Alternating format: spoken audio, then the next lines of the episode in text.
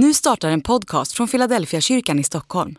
Om du vill komma i kontakt med oss, skriv gärna ett mejl till hejfiladelfiakyrkan.se. Ibland blir jag mer pingstvän än andra dagar. Det här var en sån dag. Jag gillar det vet ni. Jag, är, jag mässade med några kompisar här på morgonen och konstaterade, som, som visste att jag skulle predika, och så, så hejade de på mig lite, så sa jag att jag är jag är laddad och lite skör. Det känns som en bra kombination och jag tror att det är så. Vi har haft två dagar inför Herrens ansikte i konferensen här.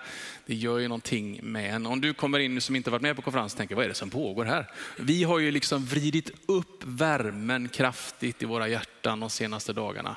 Och om du tycker det känns som du har lite distans till det, så tänk tvärtom att ja, men nu följer jag med in i värmen istället. Eh, vi är övertygade, jag är övertygad om att Gud vill säga någonting till dig idag. Eh, jag ska göra mitt bästa för att förkunna Guds ord. Men framför allt så tänker jag det handlar om att Gud ska få chansen att göra något i ditt liv. Det finns inget smart jag kan säga som kan göra det som Jesus kan. Så jag vill uppmuntra dig, öppna ditt hjärta eh, och släpp in den, den heliga ande, låt honom tala så kan han göra hela skillnaden i ditt liv. Vi befinner oss ju i en serie där vi läser ur Apostlagärningarna. Och du som är bevandrad i din bibel och varit kristen ett tag, du vet ju om att Bibeln är inte skriven av en författare utan det är många författare. Och Apostlagärningarna är skrivet av en man som heter Lukas. Han har skrivit Lukas evangelium. Lukas evangelium beskriver ju Eh, det Jesus gör helt enkelt. Berättelsen om Jesus, eh, hur han verkar, hur han vandrar, hur han agerar, vad som händer kring Jesus Kristus. Och sen så, så korsfäster Jesus, dör för din och min skull, uppstår, besegrar döden. Och sen så far han tillbaks till sin, till sin far. Eh, och så säger han, men nu lämnar jag någonting mycket bättre. Jag lämnar den helige ande hos er. Det säger han till lärarna. Jag tror lärarna står och tänker, det här var en dålig trade-off. Vi hade Jesus här eh, mitt liksom fysiskt och nu försvinner han, men han säger att vi får den helige ande. Kan det vara bättre verkligen? Ja, är ju svaret på den frågan. Definitivt.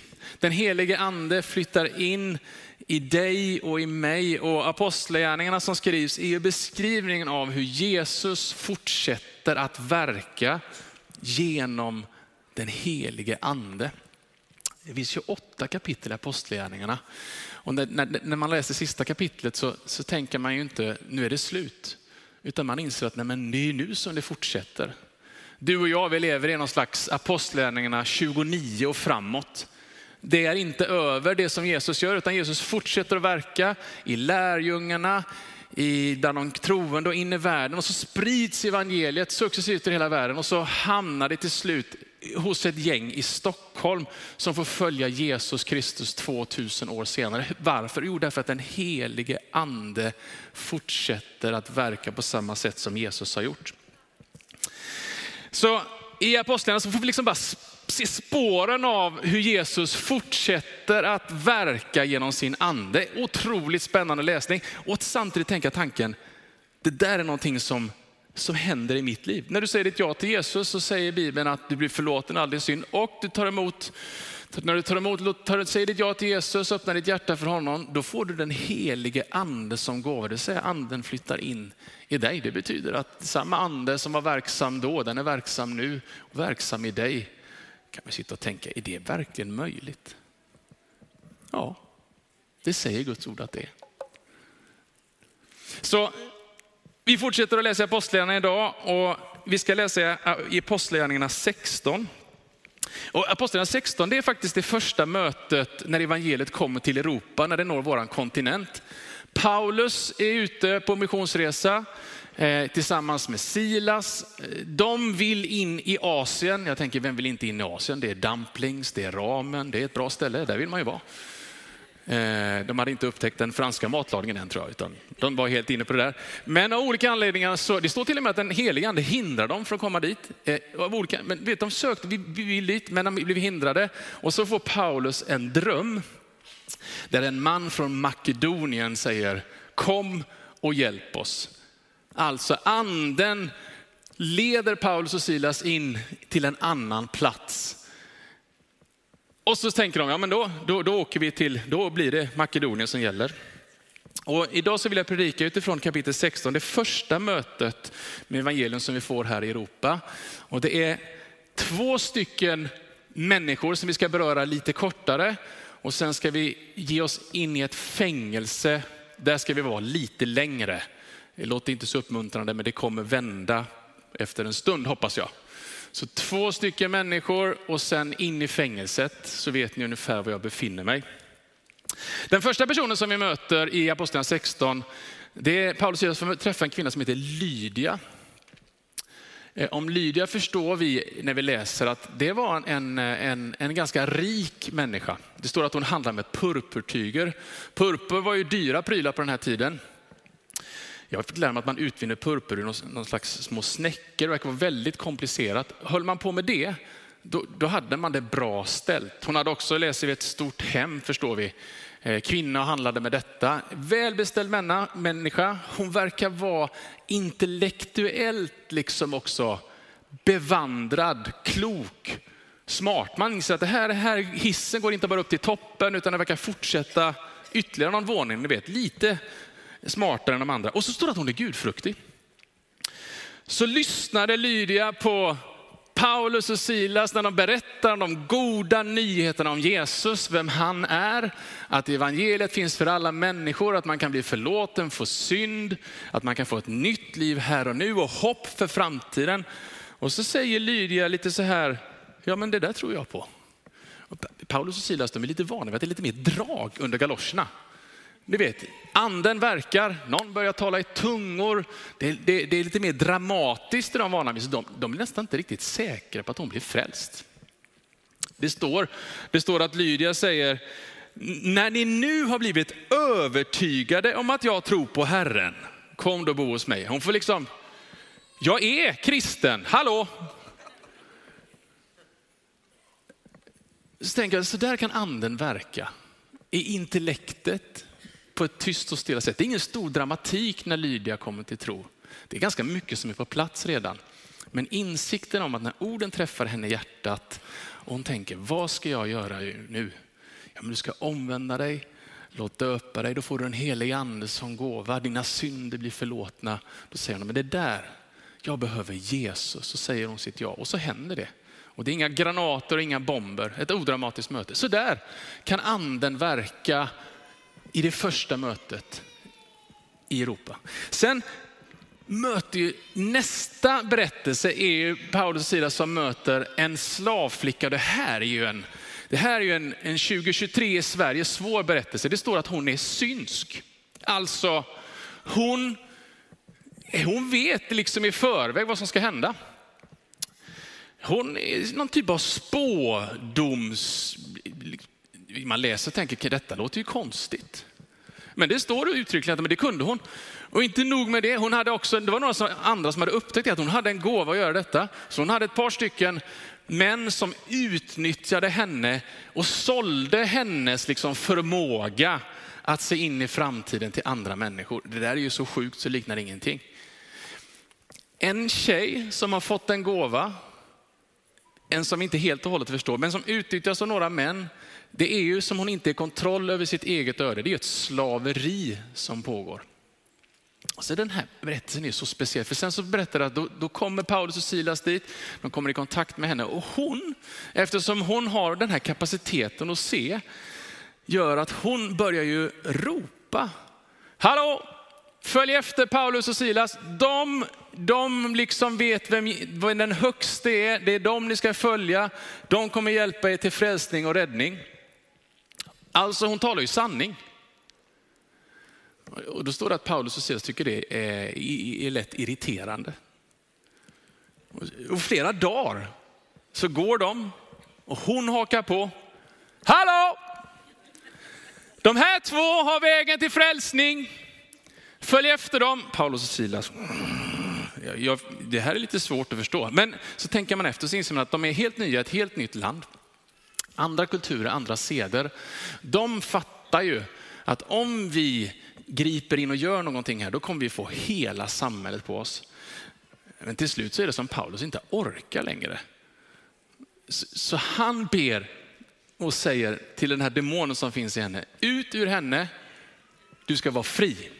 Och i ett enda nu så händer det. Det är någon slags ofrivilligt helande under. Ja, det där får ni ta med Niklas hur det där hänger samman, för det fattar inte jag helt och hållet. Men det som händer som ett brev på posten, det goda som händer, du och jag tänker direkt, åh, vad skönt. Tjejen blir fri. Eh, hon kan inte längre vara under de här onda männens våld. Hon blir frisatt. Hon behöver inte längre liksom vara, vara såld och utnyttjad, för hon har inte det där i sig längre. Men det som händer är ju precis det som Paulus och Silas kanske var oroliga för. Att de här, dels de här två männen som har, som har utnyttjat henne, de blir ju sura helt enkelt. Här har du tagit vårt levebröd. Vi har ju levt på den här tjejen. Vi har tjänat pengar på henne. Det är hon som har satt mat på vårt bord. Och då lyckas de givetvis vigla upp hela samhället runt omkring. Så till den milda grad att det blir en, en mobb av människor som vill slå ihjäl Paulus och Silas som ger sig efter dem. Domarna kommer, vet, dåtidens polismyndighet och säger att det är uppenbart att eh, Paulus och Silas, de har ju förstört alltihopa. Pryglar dem och in i fängelse. Paulus och Silas har gjort någonting bra. De har ju befriat en ung kvinna från en, ett ont inflytande. Vad är, vad, vad, vad, är effekten av det för dem? Ja, de ryker rakt in i fängelse. Och där är vi nu. Och det andra som händer i den här andra berättelsen, det är ju stor dramatik. Om Lydia var eh, liksom intellektuell, det var lugnt och stillsamt hur Anna verkade. Här är det ju bomber och granater. Liksom. Det är synskhet, det drivs ut och det ropas och skriks. Jag tänker här, här, här verkar det att anden också kan verka in på ett dramatiskt sätt rakt in i människors liv. Så de gör någonting gott och konsekvensen av det blir att de hamnar, nu har vi haft två personer, på den tredje platsen in i fängelset. Där är vi nu. Orättfärdigt fängslade sitter de där. De har ju bara gjort någonting gott. Men längst ner i fängelsehåla blir de kastade. För att ha gjort vad då? Guds vilja. Det, man kan ju, jag tänker ibland på det här, så när vi gör rätt så verkar det ändå finnas ett pris. Om du någon gång har tänkt att göra Guds vilja, att det inte kostar på, ja, men det verkar inte som det stämmer med den här berättelsen. Det verkar finnas ett pris kopplat till att göra rätt. Jag brukar be på kvällarna när jag får chansen med mina barn. De är så stora nu så de, de vill inte be aftonbön med mig längre. Men men vi bad alltid när de var små så brukade vi be tillsammans. Gud hjälp mig att göra rätt, även när det är svårt. Att göra rätt är inte alltid lätt och att göra rätt kan komma med ett pris. Så de har förkunnat Guds frälsande kraft, gjort Guds vilja, befriat en flicka från ont inflytande, ner i fängelset. Och där kommer vi in i texten. Apostlagärningarna 16 och 25, låt mig läsa den och några verser framåt. Vid midnatt höll Paulus och Silas bön och sjöng lovsånger till Gud och de andra fångarna hörde på. Plötsligt kom ett kraftigt jordskalv så att fängelset skakades i sina grundvalar. I detsamma sprang alla dörrar upp och bojor föll av dem alla. Fångvaktaren vaknade och när han fick se att dörrarna i fängelset stod öppna drog han sitt svärd för att ta sitt liv eftersom han trodde att fångarna hade rymt. Men Paulus ropade högt, gör det inte illa, vi är kvar allihop. Då sa fångvaktaren till om ljus och sprang in och kastade sig skräckslagen ner inför Paulus och Silas. Sen förde han ut dem och frågade, vad ska jag göra för att räddas? De svarade, Tro på Herren Jesus så ska du bli räddad, du och din familj. Och de förkunnade ordet om Herren för honom och alla i hans hus.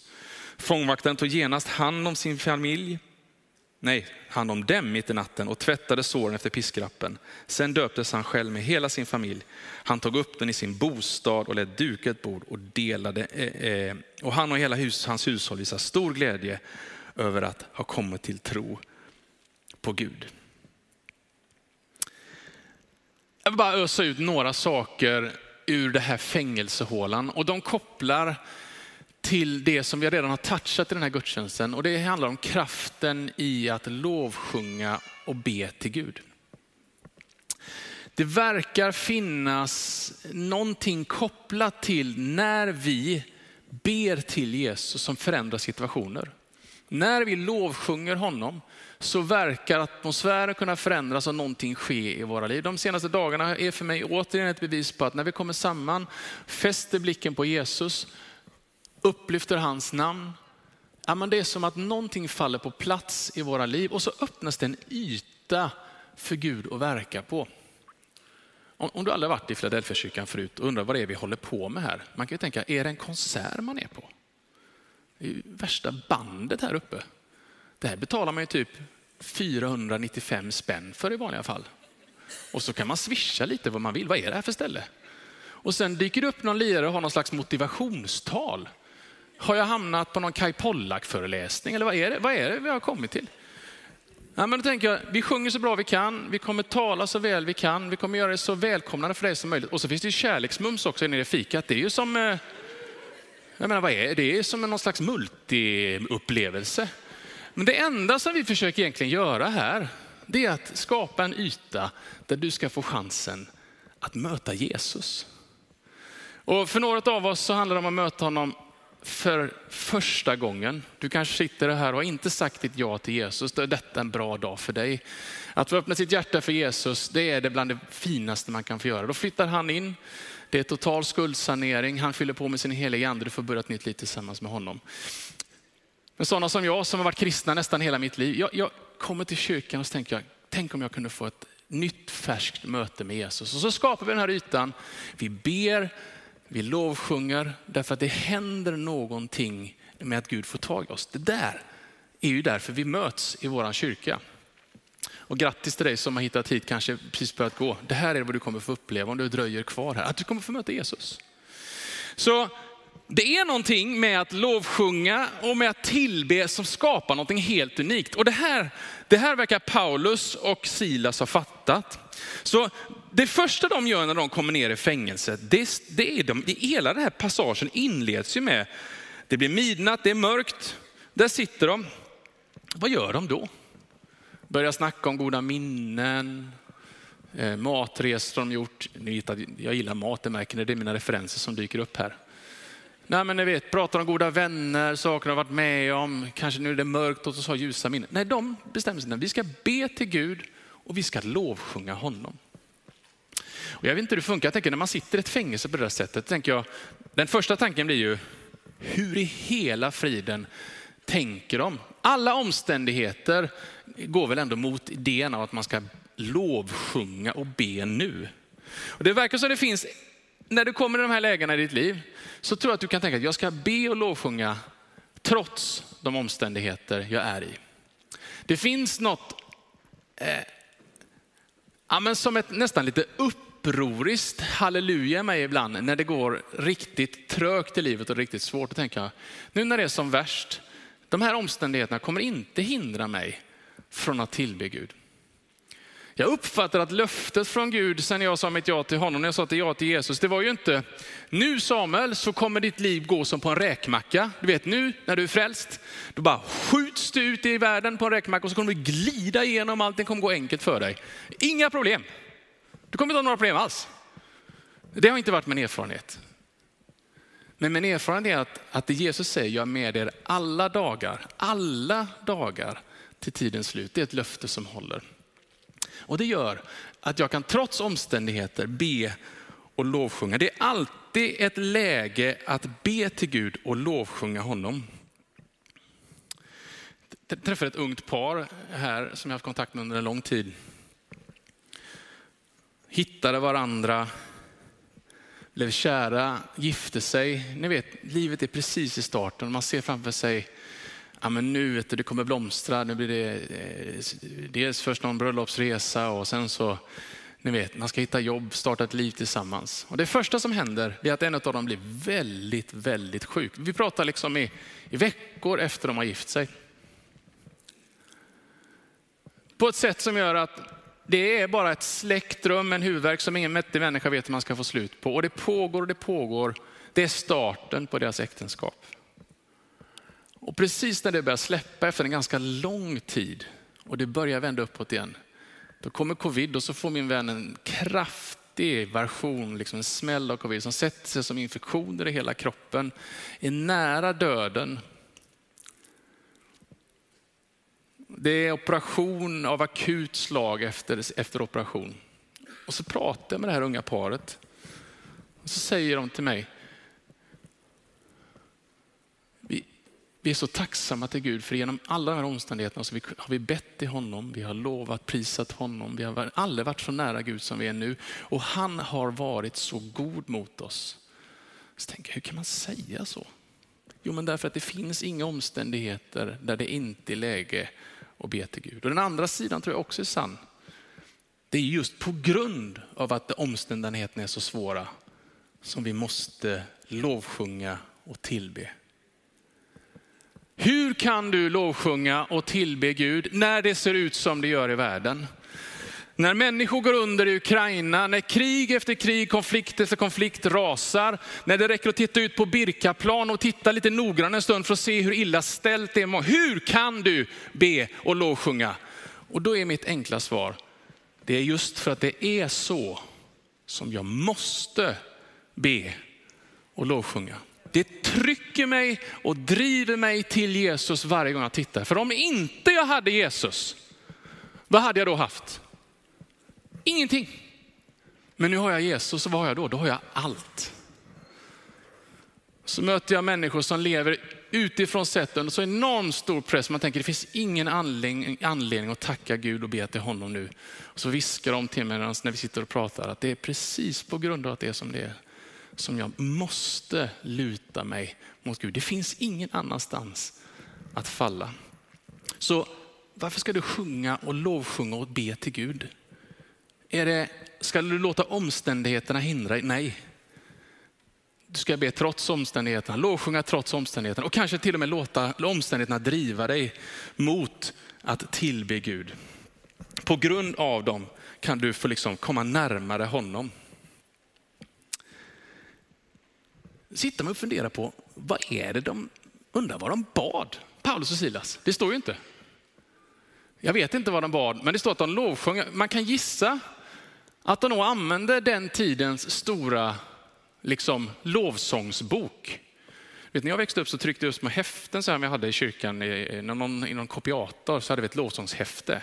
Nu har vi ju väggen istället.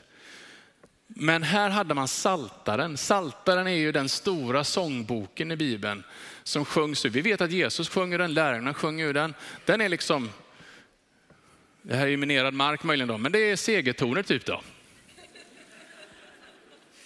Ja, vi tar inte den debatten nu, men en annan dag kan vi prata om det. Vad, vad läser vi i Saltaren? När man läser Saltaren lite noggrant så ser man att den är full av ärlighet. Det står om hur man sjunger sånger om att Gud, Gud, var är du någonstans just nu? Jag känner mig övergiven, jag känner mig utsatt. Det känns som mina fiender, mycket fiender saltade. Mina fiender, det kanske du känner igen i ditt liv. Mina fiender, det är folk som vill hugga mig i ryggen hela tiden. De är efter och sablar ner mig. Gud, var är du någonstans? I någon Psaltarpsalm så, så, så sjungs det en, en, en bönesång om att man typ ska slå sina fiender på käften så att tänderna ryker. Jag har inte lyft så jättemycket här på 11 gudstjänsterna än. Jag vet inte hur det är på 18, men på 11 har det inte varit så mycket av just tandutslagarsången än. Min poäng är att saltaren, det Paulus och Silas sjunger nu, det väjer inte för verkligheten. Att tillbe Gud och lovsjunga honom, det handlar inte om att blocka ut verkligheten och låtsas som att man sätter på sig bara skygglappar och så, och så, liksom, så finns det inget. Du vet, det är, nu är det, det, du vet, det är inga, ingenting som är fel, ingenting som är fel. Nej, nej, allt är bra. Allt är fel. Och Gud väjer inte för att höra dig be det till honom. Eller till och med sjunga det till honom. Du behöver inte dölja det för honom. Det gör inte Paulus och Silas. Men de sjunger också om det som står i Saltaren att Gud är trofast. De sjunger att han är allsmäktig. Att det finns ingen förändring i honom. Att han är klippan att han är räddaren, att han är frälsaren, att han är den som upprättar det som har blivit snett, han är den som lyfter det som har fallit. Det sjunger de också. Men när vi blåsjunger när vi ber, du behöver inte väja för verkligheten och låtsas.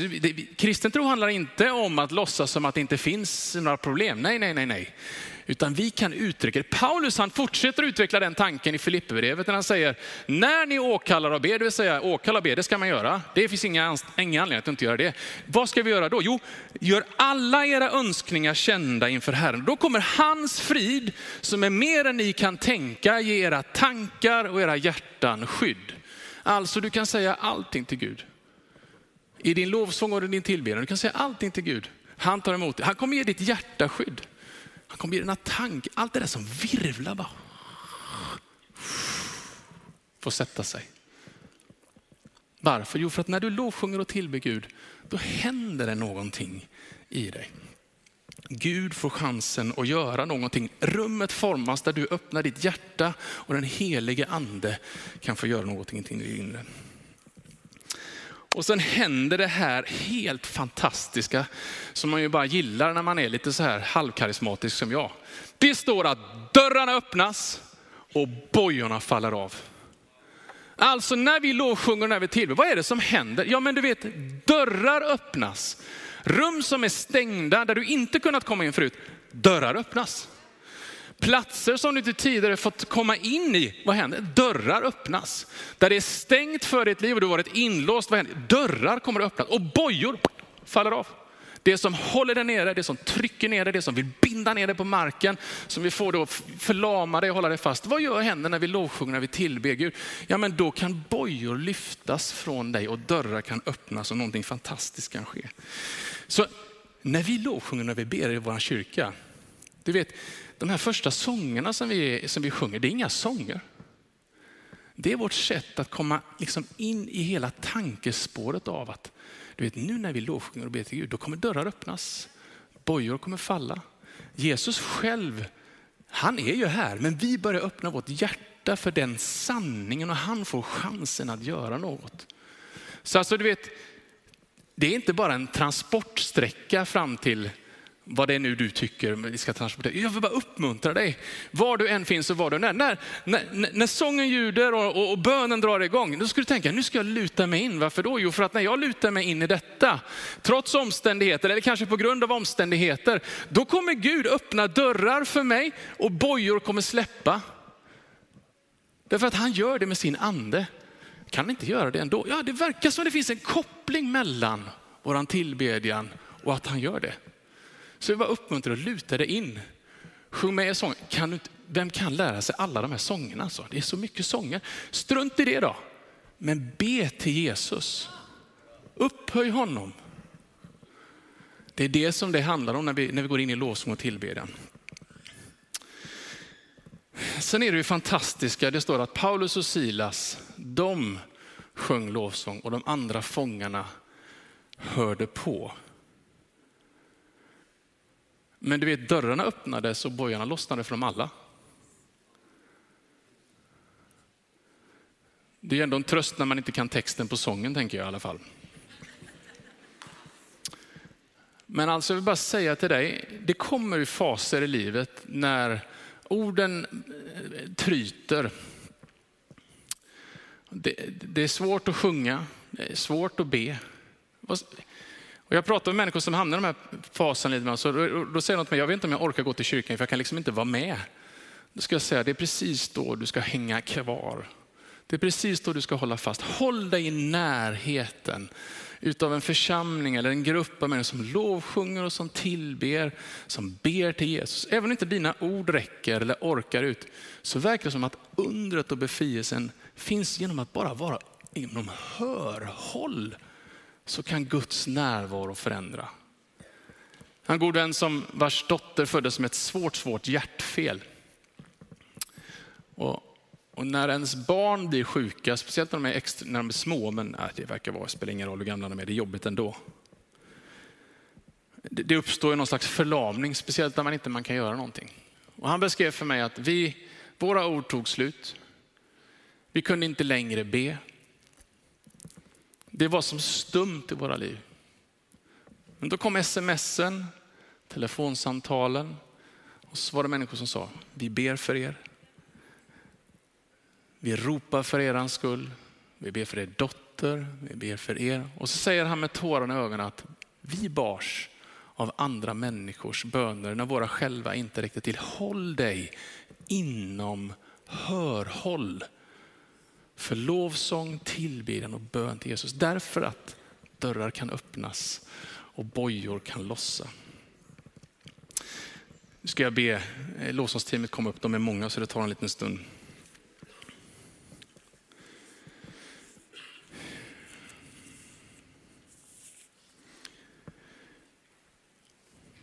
Ja, vad är det jag försökte säga? Vad är, vad är det det här handlar om? Ja, men det jag vill säga är att den helige ande har inte slutat verka än. Jesus Kristus är närvarande genom sin ande och han fortsätter att verka. Det kan ske på lite olika sätt. Vi ser det i Lydias liv. Det sker på ett sätt som är inte så dramatiskt. Vi ser det i slavflickans liv. Där smäller det till ordentligt. Och så ser vi det i fängelset. Och där är vi, jag vill säga till dig idag, är att jag skulle verkligen vilja uppmuntra dig att luta dig in i att be till Jesus och att lovsjunga honom. För i den atmosfären av det som händer så är det någonting med Guds kraft som förlöses. Du ska tänka två tankar.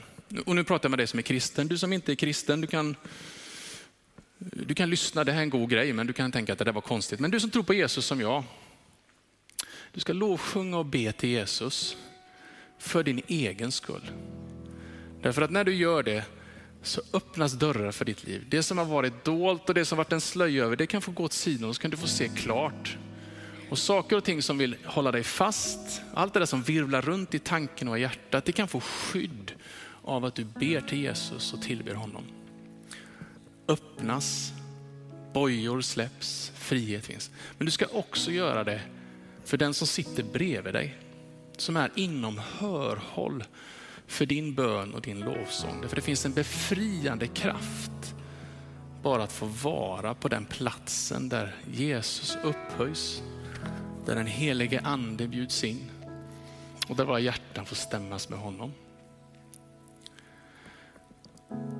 Det som händer nu, det är att nu ska du få lyssna på en sång. Sen ska vi öppna upp det här rummet och vi ska bjuda in den helige ande och verka. Och jag tror att Gud vill öppna lite dörrar för oss den här förmiddagen.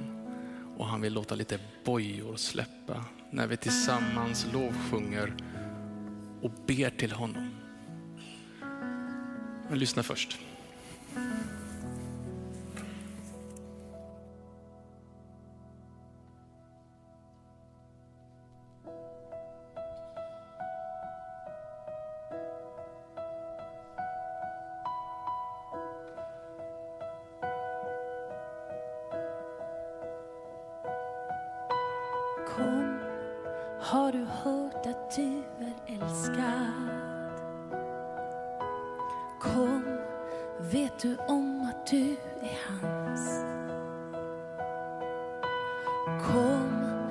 Det som varit får du lämna.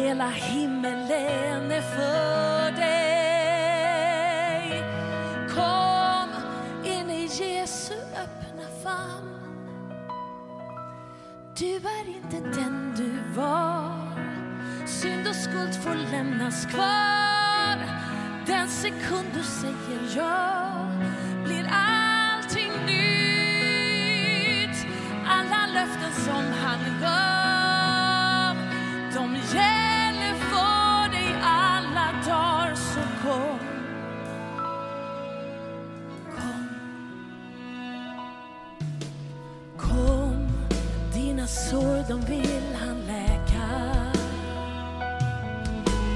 Kom, han är den som ger dig frid. Kom, du får ge honom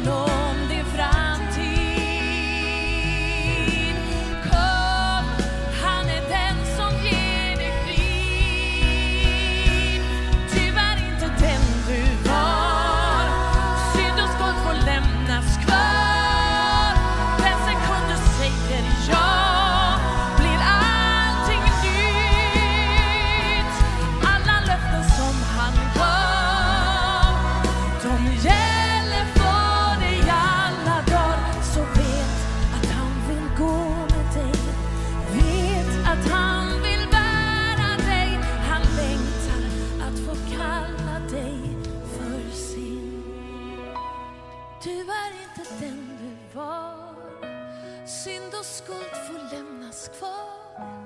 Den sekund du säger ja blir allting nytt. Alla löften som han gav